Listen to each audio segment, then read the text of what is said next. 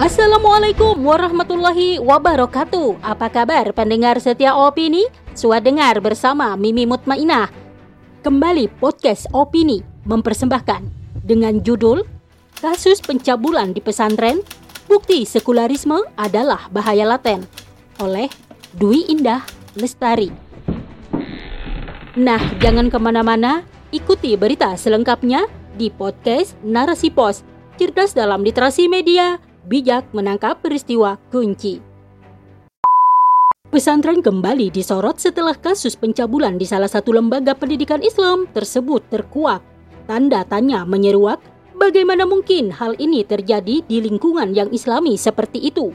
Kasus kekerasan seksual yang terjadi di institusi pendidikan berbasis agama kembali mencuri perhatian publik.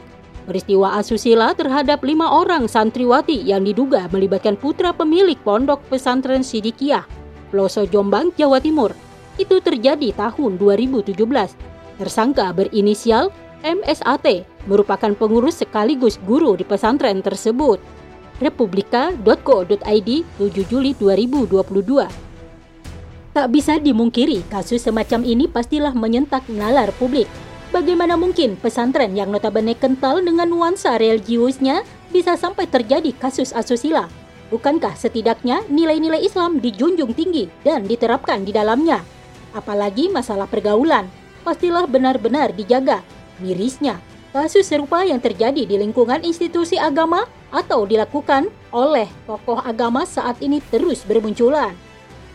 Di sisi lain, peristiwa ini seakan menjadi kesempatan untuk semakin menyudutkan Islam Apalagi mayoritas pelakunya adalah para tokoh agama atau dikenal baik dari sisi kereligiusannya, seperti guru ngaji atau ustadz. Ditambah media yang terus menjadikannya topik utama, seolah ingin menyiratkan bahwa pesantren dan institusi semisalnya tak lagi aman dari kekerasan seksual. Padahal di tengah kondisi memprihatinkan yang tengah menimpa generasi dengan kerusakan moral dan pergaulannya pesantren merupakan alternatif terbaik untuk menyelamatkan anak-anak mereka. Maka tak heran, beberapa kurun terakhir terlihat tren gandrungnya masyarakat yang memondokkan anak-anaknya. Tentu saja, dengan adanya kasus pencabulan ini, citra pesantren menjadi tercoreng. Namun, masyarakat perlu menyadari bahwa kasus semacam ini sebenarnya bukanlah hal yang baru Berita kekerasan seksual sudah menjadi bahan bacaan sehari-hari di berbagai media. Pelakunya pun beragam, dari warga biasa, pejabat, tokoh agama, dari kalangan muslim maupun non-muslim, dan lain-lain. Hal ini menunjukkan bahwa problem kejahatan seksual bukan sebatas karena bobroknya moral individu, akan tetapi ada hal lain yang turut menjadi faktor pemicunya, yaitu lingkungan. Bagaimana corak lingkungan masyarakat yang terbentuk? Sangat dipengaruhi oleh sistem hidup yang berlaku saat ini, yaitu sistem demokrasi sekuler. Sistem ini telah menetapkan pemisahan agama dari aturan kehidupan.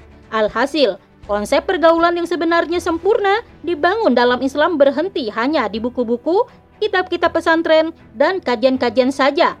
Sementara praktik dalam kehidupan, interaksinya menggunakan prinsip kebebasan ala barat pacaran, bahkan zina sudah menjadi hal biasa. Aturan hidup pun mudah berubah sesuai kepentingan, bahkan menyediakan celah-celah yang memungkinkan para pelaku kejahatan membuat kompromi untuk mendapatkan keringanan sanksi, bahkan bebas dari hukuman. Ditambah lagi, ide kebebasan, buah dari sekularisme, masif dipromosikan melalui berbagai tayangan dan gaya hidup para publik figur yang merusak benak serta mendorong bangkitnya fantasi-fantasi liar. Maka jelas sudah, sekularisme menjadi bahaya laten yang melahirkan berbagai kerusakan. Salah satunya dengan bermunculan para predator seksual dan berbagai kalangan, termasuk menjerat sosok-sosok yang dikenal agamis. Pesantren hanyalah satu dari berbagai elemen masyarakat lainnya yang terkena imbas dari virus sekularisme ini. Tak aneh Sebab kehidupan saat ini memang dalam cengkraman sistem rusak tersebut.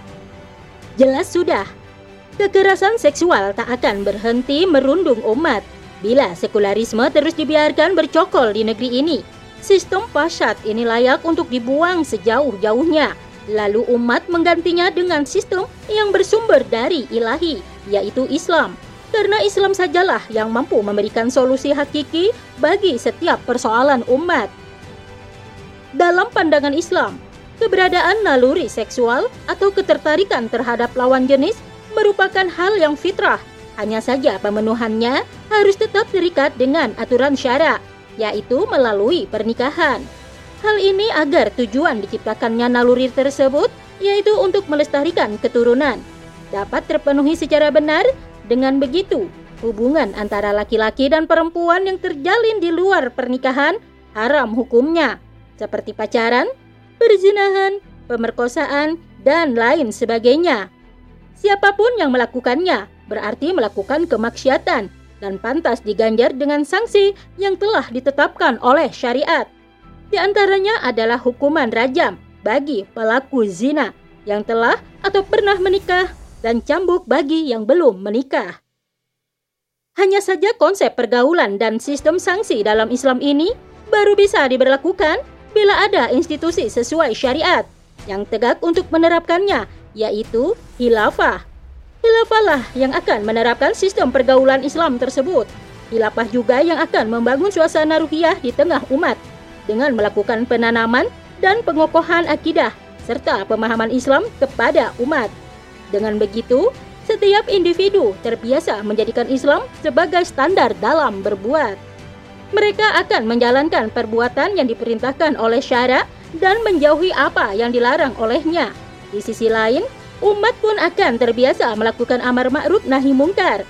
Sebab ini merupakan bagian dari kewajiban yang dibebankan oleh Allah.